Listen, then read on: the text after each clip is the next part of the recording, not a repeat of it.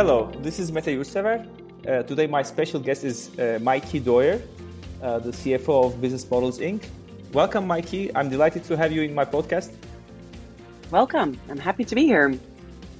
Thank you. So, uh, let me give a very quick introduction uh, for our listeners.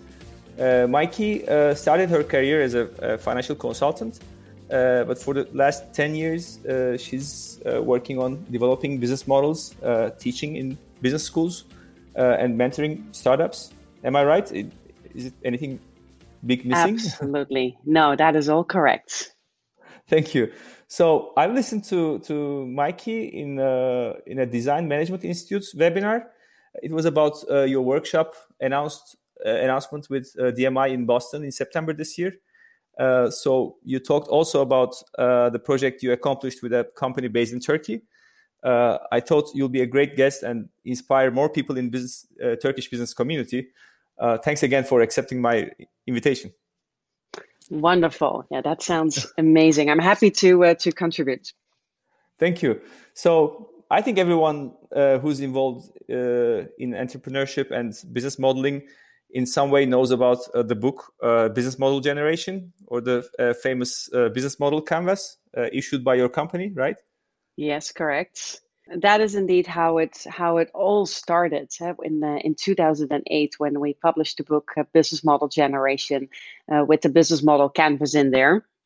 Um, mm-hmm. None of us expected that it would be such a big movement as it is today, right? I think we sold over 4 million copies at this moment globally. Wow. wow. Yeah, so that's really impressive to see. And I'm so happy to see that everyone is using it. That's what uh-huh. uh, that's what really is excited and so it's translated in over 25 languages uh, right? So i i read 35 the, the Turkish even. one yes it's yeah. in 35 languages even. So so the, the the main the main languages in the world i dare to say it is available. So uh, so yeah that's uh, that's that's really cool. Indeed including the turkish edition. Uh-huh, yeah. And can you briefly remind us uh, what is the model is about and the, what is the book is about so the whole business model canvas is is basically it's it's this one pager where you as an organization can define how you can create, deliver, and capture value. And because we all know this situation uh, that you have a new idea, for example, um, I wanna, I think with our company we need to go online. And then before you know it, uh, you have uh, 20 meetings uh, with many people talking about what do we do if we need to go online? How does that work? But what we say is like those meetings, please don't do them, right? They're useless. It's a lot of blah blah. But uh, but you need but you still need to go through a lot of those thinking steps. And that's where the business model canvas can really be of a lot of help because it's the simple one pager. Um, it looks simple, but uh, once you work with it, you'll see like, oh, there's a lot of thought behind this, where mm-hmm. you can define who's my customer, what's my value, uh, what about my channel, um, and because it's so very visual, you can literally put it up on the wall and you can make sure that everyone in your team has the same common language about what you're talking about. So instead of mm-hmm. doing 20 meetings, you do one or two meetings and then you have it all figured out. Mm-hmm. That's that's wonderful. Yeah, I, I also uh, tried a couple of times uh, in my practice. So it's uh, amazing how people uh, get new ideas. I mean, as as they go through uh, the, the, the canvas. Although this is their business every day, but uh, they keep discovering new things uh, when they look at the connections and the, the links between the those boxes, right? Yeah, and that's the that's the, exactly what you say. That's the whole thing because the world is changing so fast. I mean, look at what happened in the last two weeks. It's insane. And there's a lot of uncertainty that's happening around us. And how this mm-hmm. business model canvas can can help you is like, hmm, what if this scenario actually really happens? what would my business model look like is there something i should do or that something that i want to do to change it and with this mm-hmm. business model canvas very fast you can be very agile and look at like mm-hmm. how does my business model change in this ever changing world mm-hmm. and you say uh, there is no one single tool that is a holy grail uh, it's about uh, tools skills and the mindset uh, yes. you need to design your business model so and you talk about this design doing uh, can you tell us a little bit about that? True. Uh, it's indeed uh, the single right solution does not exist because every time I'm meeting with companies, they are like, can you give me the best business model? Well, there is not such a thing as the best business models. You always have multiple options. And I think what we need to train ourselves is to really think in options and uh, and always be open for something else that unexpectedly might might happen but if you mm-hmm. are used to being agile that really works i mean i've seen so many people writing all these beautiful business plans but mm-hmm. it takes three months maybe maybe six months right to write a business plan and by the time mm. the ink is dry the world changed again right so please right. stop writing business plans i that may be the best news of today right like stop writing business plans eh, but yeah. use something like the business model canvas and there are other tools as well but i think the business model canvas is a very good one to use yeah your words are music to my ears really because this business uh, planning and uh, i mean in my uh, corporate uh, let's say career uh, so uh, we were we kept on you know making this business plans over and over. I mean the strategic business plans every you know that was for three years but you keep on refreshing it every year and it takes months it takes many versions and everything. And at the end no one goes back and checks it i mean like it's uh, you just that's yes. that was killing me i mean so but again uh, if there is no uh, plan uh, what to do instead i mean if um, how to cool off the, the ceo or the cfo uh, who needs numbers to present at the board or at the roadshow or something i mean how do you? Yeah, that's uh, that's a that's a question I get asked a lot, specifically around the numbers, yeah, because um, every time that we create a plan, people want to see an Excel spreadsheet as well. Um, and and that's the same as this business plan. I mean, I have never in my whole life seen a spreadsheet that turned out to be true. Never right. ever, right? And and I think if you all think about yourself, like, did you ever see one? Probably not, right? So, mm-hmm. and and and what you see is there is a difference between what we call search and execute. And sometimes uh, when we talk about execute, you basically know what you're doing. Uh, you've done it before, maybe you've done it like 50 or 100 times before. So then you can make an Excel spreadsheet. That's fine. If that makes you happy, then, then go ahead and do it because you've done it and you have a higher certainty that that actually will happen. But if mm-hmm. you are coming up with something new, uh, something that you really want to, you know, strategically change your company, or or you see that there are new disruptors coming up there, you've never done that before. You're in the search mm-hmm. mode, and so in that mm-hmm. case, please don't go to Excel or to um, uh, to business plans. Uh, but what you can do and use these tools. But the most important part is what we call get out of the building really mm-hmm. speak with customers and mm-hmm. find your proof and your evidence outside and when you do that properly that will convince the boards um, and to like oh yeah hold on this is indeed true what you're saying you actually have mm-hmm. proof you have evidence that is not a mm-hmm. spreadsheet but it's actually a human being yeah how can mm-hmm. we how can we do that What that's a different way of thinking right and unfortunately it seldom happens i mean um, I mean, the companies are mostly uh, trapped in their uh, categories, in their uh, products, and what they can actually, uh, you know, uh, provide as a service or as a as a product to the, to the market. And uh, the marketing teams and sales teams are struggling to to you know to pack it and to sell it in a way, rather than finding an unmet need or let's say something that is desirable for the for the consumer. It's so funny. Like the other week, I was speaking with one of my clients, and they were developing a new product uh, for babies and uh, for moms and babies. Mm-hmm. So uh, they they worked on it seriously for three months, and I spoke with them, and I was like, "Oh, cool, right? So, how many moms did you actually speak with?" Mm. And they they looked at me in shock, and were like, no no no we're just developing the idea i said yeah i get that i get that right but i mean you can you can just go and ask a couple of moms um, and how many of you have have children recently even that was very limited um, and i'm like you know, so what's the problem? And then they really looked shocked, like, I don't know how to get out of the building. I don't, I, I, it's a secret. I don't want the competition to know yet. We're working on right. this. But I'm like, yeah. that's just an excuse. I mean, nothing good ever happened inside the office, right? So, yeah, uh-huh. please, please get out of the building. Speak with those moms and anyone else. Yeah. Mm-hmm. Great, great. Um, okay, so maybe we can move on to uh, Wavin case um, yes. that you accomplished in Turkey. Can you tell us about how, how did they came to you? How did they find you, and how did they you know uh, how did you uh, get involved? Yeah, this is a very interesting one. And so um, uh, uh, Wavin is indeed it's a Dutch company as well. Eh? So they have their mm-hmm. headquarters mm-hmm. as well in the Netherlands. Mm-hmm. So uh, we uh, that that was of course our connection at that time. Um, we have an office in the Netherlands. I'm actually personally I'm I'm no longer in the Netherlands. Uh, this happened a few mm-hmm. years ago. I'm currently living in uh, San Francisco. Um, mm, but um, and that's I mean we can we can fill a whole other podcast about that by the way about Silicon Valley and what's happening there. Yeah, but that, exactly. that's not today's topic. Um, and yeah. so, uh, but if you talk about Wavin, um, what what happened there is um, they saw that they were losing market share and they were mm-hmm. like how can we um, get position as market leader in, in the plastic pipe systems and solutions in Turkey. Yeah? Because for those of you who doesn't don't know Wavin, they basically make all these plastic pipes. And so that's right. for plumbing, etc. Uh, that's uh, everything that's hidden but super essential in your buildings. That is what they right. do. Um, mm-hmm. And um, so the, the the CFO and the CEO, they're both Dutch people, and that's that's how we got connected. Mm-hmm. Um. Initially, they asked their own team, like, "What can we do?"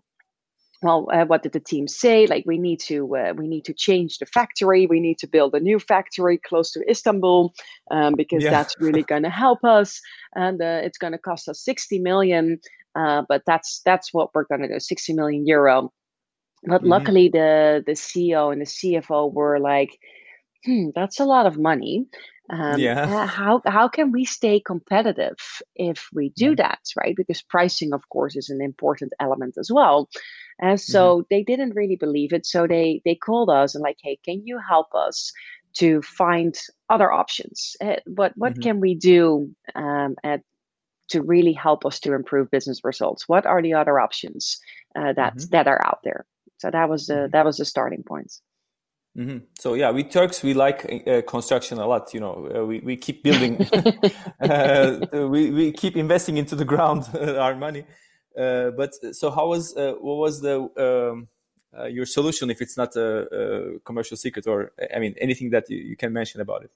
Yeah, the the, the, cool part is we actually won an award uh, with this case. So luckily, we can disclose a little bit more than we can than we usually can. Um. And so uh, this is all a little bit more out in the open. Uh, so mm-hmm. what we did together with the team, uh, we we got together uh, in Istanbul uh, with mm-hmm. with the people from uh, from Wavin in Istanbul as well, and we started to do a massive brainstorm. Like, what is mm-hmm. it that we can all do? we mm-hmm. actually came up with almost 400 ideas um, about mm-hmm. like, what what else can we do right besides building a factory and mm-hmm. we had um, uh, six business model options we narrowed it down to six business model options and there were options like um, uh, what if we can do 3d printing uh, on site so, for mm-hmm. example, mm-hmm. uh, when um, uh, when you want to order some new pipes, uh, instead mm-hmm. of going through the whole process, you can just print on demand and mm-hmm. you don't need the whole shipping anymore. Oh, sounds cool mm-hmm. idea. Um, mm-hmm. What if you do online ordering? Right. Mm-hmm. So, um, as a plumber, when you're on the site and you're like, "Oh, I need, I need some more materials," you just do it mm. online and it comes in. Mm-hmm. And so there were a few ideas um, that we done, but hey, we we did that all in the room, right? It was and it's mm-hmm. just a week boot camp. Eh? I'm not talking about months here. I'm just talking mm-hmm. about a boot camp of a few days. And then mm-hmm. we came up with all these cool ideas. And then, of course, the real fun starts um, mm-hmm. and uh, the getting out of the building, which we immediately mm-hmm. did.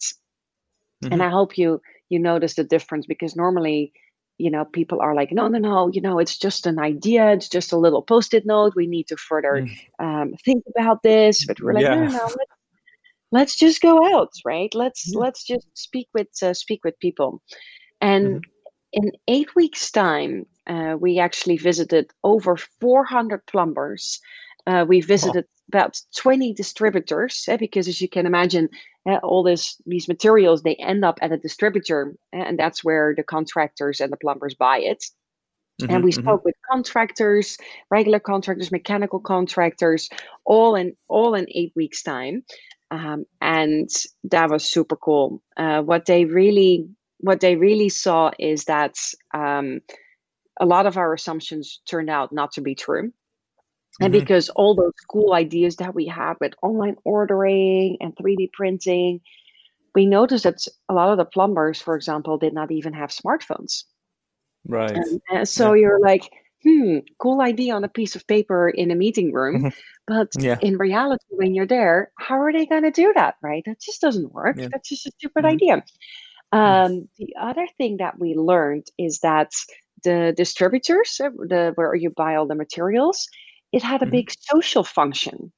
It was not just the the practical job to be done. Okay, let's buy some materials, but it was Mhm. also about social meeting people, uh, drinking tea, right, uh, and Mhm. and Mhm. also meeting the people for your next job uh, as a plumber. Mhm. So it's super important, and as a contractor as well.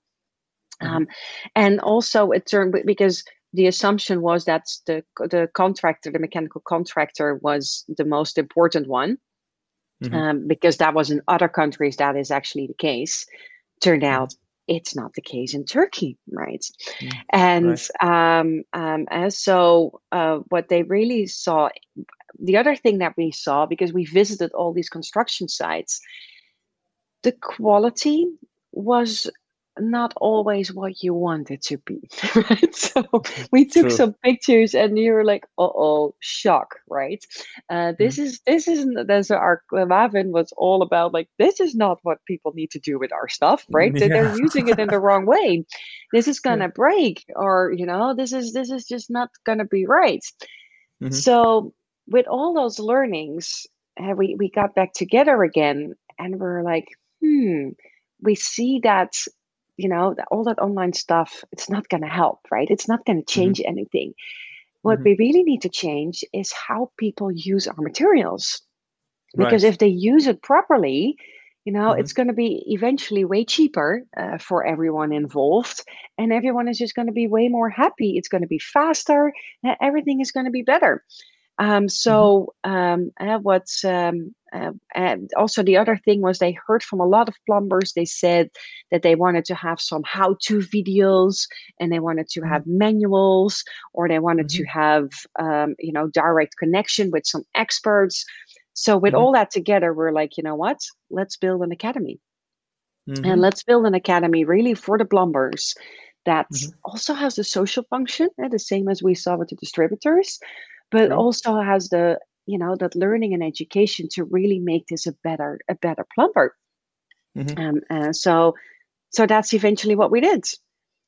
Great. Sounds great. I mean, like it's uh, sometimes you know you you think that it's uh, it's about the product, it's about the communication of it, whatever. But it's Yeah, it's actually if you have a superior product and if people don't you know use it to to all its capacity, so here you are. I mean, like you, you the the solution that you think you have actually doesn't exist if you don't uh, follow through the chain. I mean, like right. exactly. And and what is really cool, like um, uh, the last numbers I have are about from last year, but twenty one thousand plumbers actually already attended the academy, uh, which is which is massive, which of Yeah. course led to better customer relationships, and it led to a revenue growth of one hundred thirty six percent due to the Wow. Wow. Um, and, and they they also expanded outside of Turkey. Uh, they Mhm. already have five academies uh, worldwide, uh, worldwide in the Netherlands, in Italy, Mm. Czech Republic, and uh, there are more to come in uh, in Europe. And Mhm. what I Mhm. really love, uh, I'm a financial person. Uh, what I love Right. because it started off with 60 million uh, to spend in a factory. This Yeah. academy, the cost was only 400,000 uh, uh, euros, and that was it. Yeah. Right, You see. Yeah. super cheap. And indeed, Yeah. you don't need to, to do all crazy stuff, but you really need to understand who your customer is and and what you can do to help them. Exactly. Great. Great.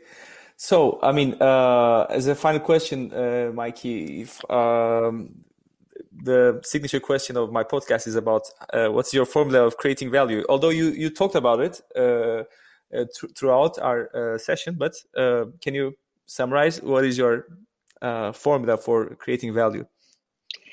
Yeah, I think that's, and of course, the getting out of the building, uh, as we spoke about a lot, but not hmm just getting out of the building, also keeping on what we call a beginner's mindset. Uh, Be hmm really curious, be really open. Don't think you know it all because usually mm-hmm. you don't. Uh, eh, but really have that beginner's mindset um, to look at the world in a different point of view and to come up with new ideas on how to create value in that mm-hmm. ecosystem mm-hmm. that you're part of. Mm-hmm. Great.